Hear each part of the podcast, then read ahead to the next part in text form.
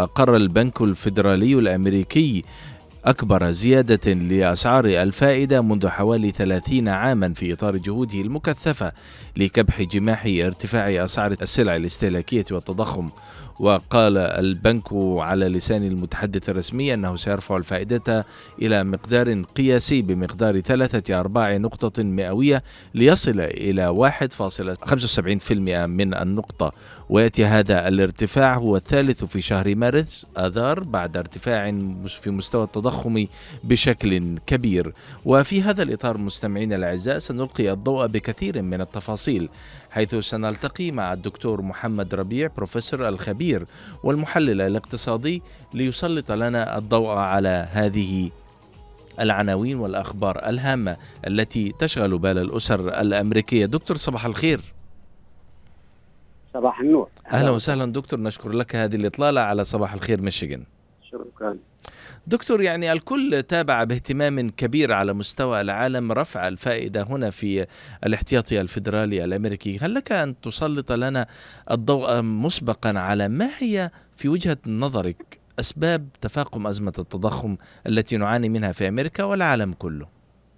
يعني أعتقد إنه الأسباب واضحة لكن مش كل الدوائر في العالم تعترف فيها فأنا بعتقد إنه أحد هذه الأسباب هو الفيروس كورونا اللي تسبب في تعطيل وسائل التواصل خاصة وسائل النقل بالنسبة للبضائع المختلفة من مختلف دول العالم. هذا كان سبب أساسي وفي نفس الوقت جاء بجانب هذا السبب ارتفاع أسعار النفط وارتفاع أسعار النفط تؤثر على تكلفة النقل سواء نتكلم عن نقل في بواخر أو طائرات أو سيارات أو غير ذلك من وسائل. فبالتالي في ارتفاع في التكلفة بسبب هذه الأمور اللي ذكرت النقطة الثانية اللي ممكن أنه نتكلم عنها في هذا الموضوع في استمرار الحرب في أوكرانيا.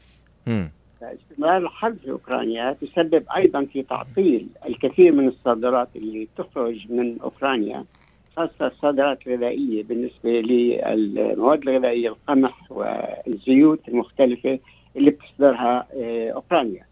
فمع تخلف هذه أو يعني تعطيل عمليات الشحن والتصدير يزيد سعر الأغذية في مختلف بلاد العالم. فأحيانا مثلا أمريكا ما ما بتحتاج قمح أو شعير أو هذه الأمور اللي بتصدرها أوكرانيا لكن بيغتنمها المنتج والبائع في أمريكا ما دام ارتفع السعر الخارج بيرفع السعر فبالتالي هو لا يخدم المصلحة العامة تبعت الشعب. صحيح. يعني بعد المنتج الأمريكي إنما يخدم مصلحته الخاصة.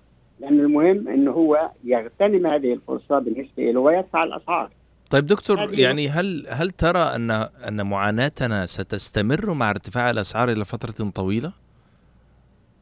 أنا حتى أعتقد إنه راح يصير على الأغلب يعني إذا تعلمنا من التاريخ شيء ونظرنا إلى ما حدث في السبعينات عندما كان في تضخم عالي وارتفاع يعني سعر الفائدة سعر الفائدة وصل تقريبا 20% في ذلك الوقت مع كل هذا ما نفع سعر الفائدة وبالتالي كانت العملية رفع رفع سعر الفائدة وحدوث اللي بيسموه stagflation اللي هو ال stagflation إنه ارتفاع الأسعار وتوقف الاقتصاد عن النمو في آن واحد.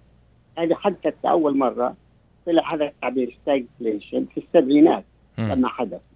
ليش في هذه الطريقة إنه أنت الآن لما تصعد اسعار الفائدة بصير كل الحركة في داخل المجتمع أقل مما كانت عليه في السابق. يعني في عندك الناس ما بتشتري بيوت لأنه سعر الفائدة ارتفع تنتظر أو بتكون بتأجل إنه بدل ما تشتري الآن بعد سنة سنتين ثلاثة. أو السيارات. السيارات نفس الشيء كنت أتكلم فيها سبقني. السيارات نفس الشيء. وكثير من البضائع إنه حتى إذا واحد بيعمل تغييرات في بيته أو شيء كل هذا بصير ينتظر. لما هذا كله بينتظر شايف؟ بصير في عندك يعني بقل معدلات النمو في الاقتصاد. وخاصة إنه في أمريكا بالذات ما يسمى الناتج القومي الإجمالي 70% منه هو استهلاك. م. يعني يحسبوا قديش الناس بتصرف فلوس وهذا على أساس هذا وهذا يأخذ 70% من زيادة الناتج القومي. ولما الاستهلاك ينزل يعني يتراجع بصير الناتج القومي يتراجع أيضا.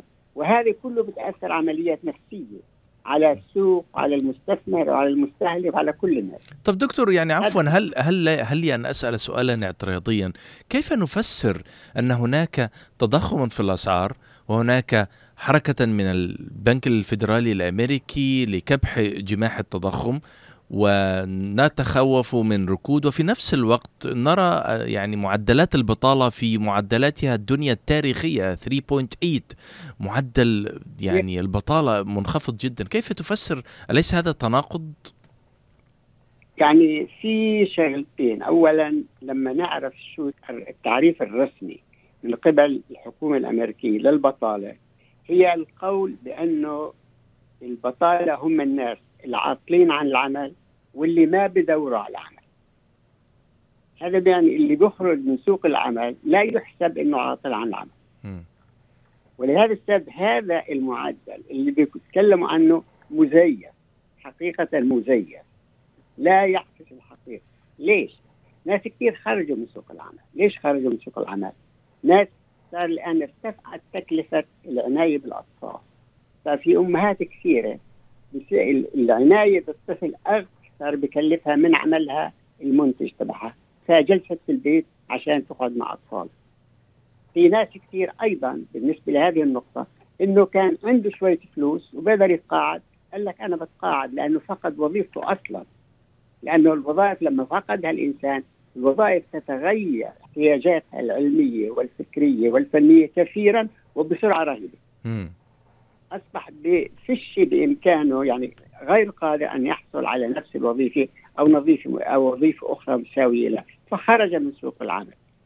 فلما كل الناس اللي بتخرج من سوق العمل وناس كثير أصيبت في أمراض وكورونا وغيرها وبالتالي لم تعد قادرة إنها تعمل. أنا واحد جار إلي صار في هيك. لهذا السبب في ناس كف خرجت. يعني أنت لو بحثت عن معدلات اللي بيسموها نسبة المساهمة في سوق العمل ستجد إنه النسبة هذه قلت كثيرا عما كانت عليه. طيب دكتور دكتور هل اقتربنا من نهاية الأزمة أم أننا لازلنا في من يعني في الصعود ولم نصل إلى منحنى النزول بعد؟ لا لا ما بعتقد أنه إحنا اقتربنا من الأزمة. لا إن نهاية الأزمة لا. لأنه لو كنا مقتربين من النهاية ما كان البنك المركزي باخذ هذه القرارات اللي أخذها. لأنه بيعتقد أوكي كلها يعني هو ليش الأول زاد؟ يعني لمدة سنتين ثلاثة زاد ربع ربع في المية النسبة لأنه هو تأخر كثيرا في بدء عملية رفع الأسعار. فأنت ترى دكتور أن هناك تأخير في عملية رفع الفائدة. نعم نعم تأخر كثير. في نقطة أخرى مهمة أنا دائما بذكرها وكويس إنه ذكرتها إنه عندنا في جشع رهيب بالنسبة للأثرياء في العالم. وبالذات في أمريكا. واستغلال لكل فرصة. يعني العشر أشخاص الاسرى في العالم تخيل زادوا اللي هي ملكيتهم أو ثرواتهم زادوها من 700 مليار دولار سنة 2000 2000 كان عندهم العشرة هذول لحالهم بيملكوا 700 مليار دولار إلى أكثر من واحد ونص تريليون دولار.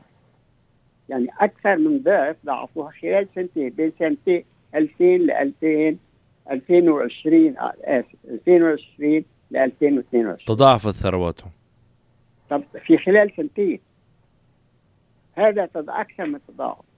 يعني بيعملوا 15 ألف دولار كل ثانية زيادة.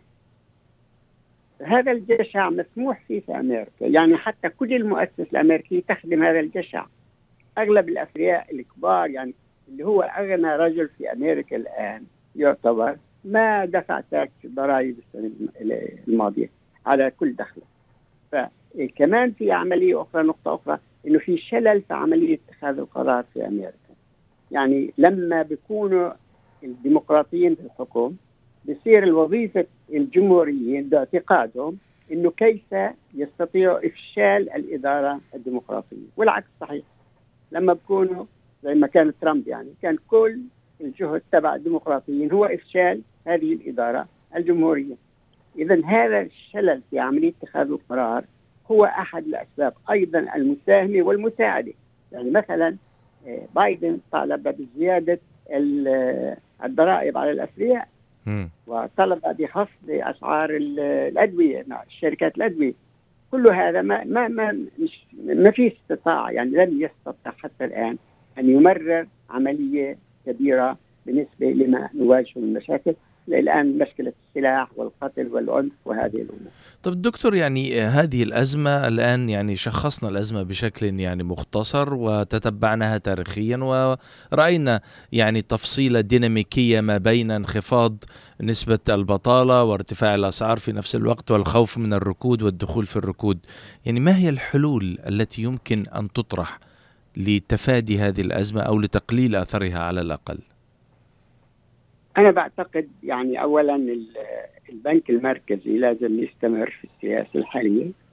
والنقطة الثانية بدل ما يعلن بايدن إنه راح يبعث أسلحة بمقدار مليار دولار جديدة لأوكرانيا إنه يعمل على وقف هذه الحرب.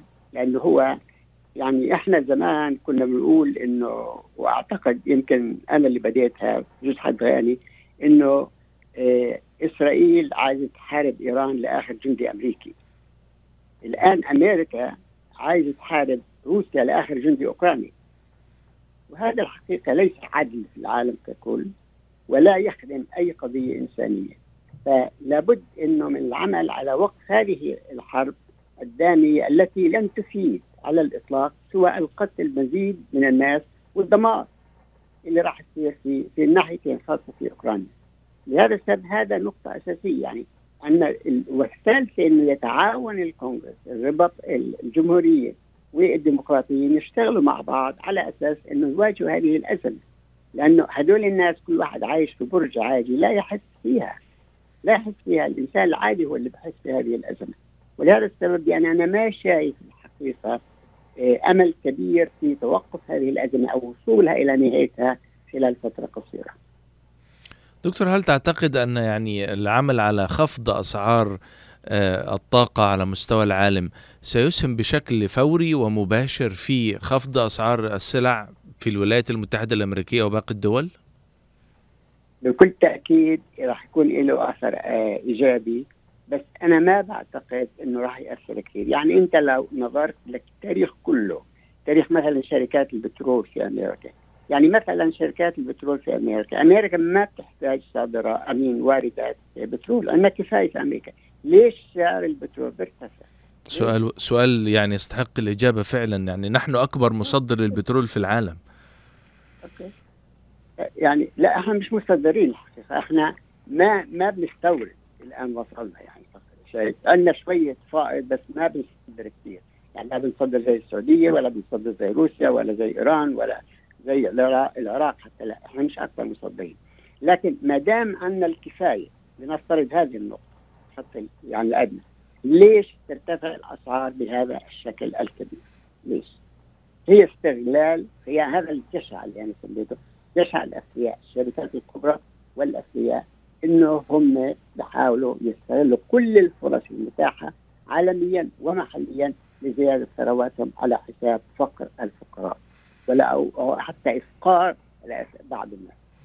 يعني إحنا الآن مثلا تفضل. سبيل المثال ما عاد عندنا تقريبا آه، طبقة وسطى ممكن نحول عليها إن تستطيع أن تحرك الشارع وتستطيع أن تقود في عمليات الأزمات دون ما حصل الآن كما كانت تفعل الاتحادات العمالية في السبعينات والثمانينات. يعني ستستمر الأزمة في المدى المنظور. حسب تقديرك دكتور محمد ربيع نشكر لك هذه المداخلة المتميزة لإلقاء الضوء على أزمة التضخم في الولايات المتحدة الأمريكية وسبل تشخيصها وأدوات العلاج المتوقعة. كنت معنا في هذا الصباح بهذه الإطلالة المتميزة دكتور محمد ربيع الخبير والمحلل الاقتصادي. نشكر لك طيب وقتك معنا. وشكرا لكم.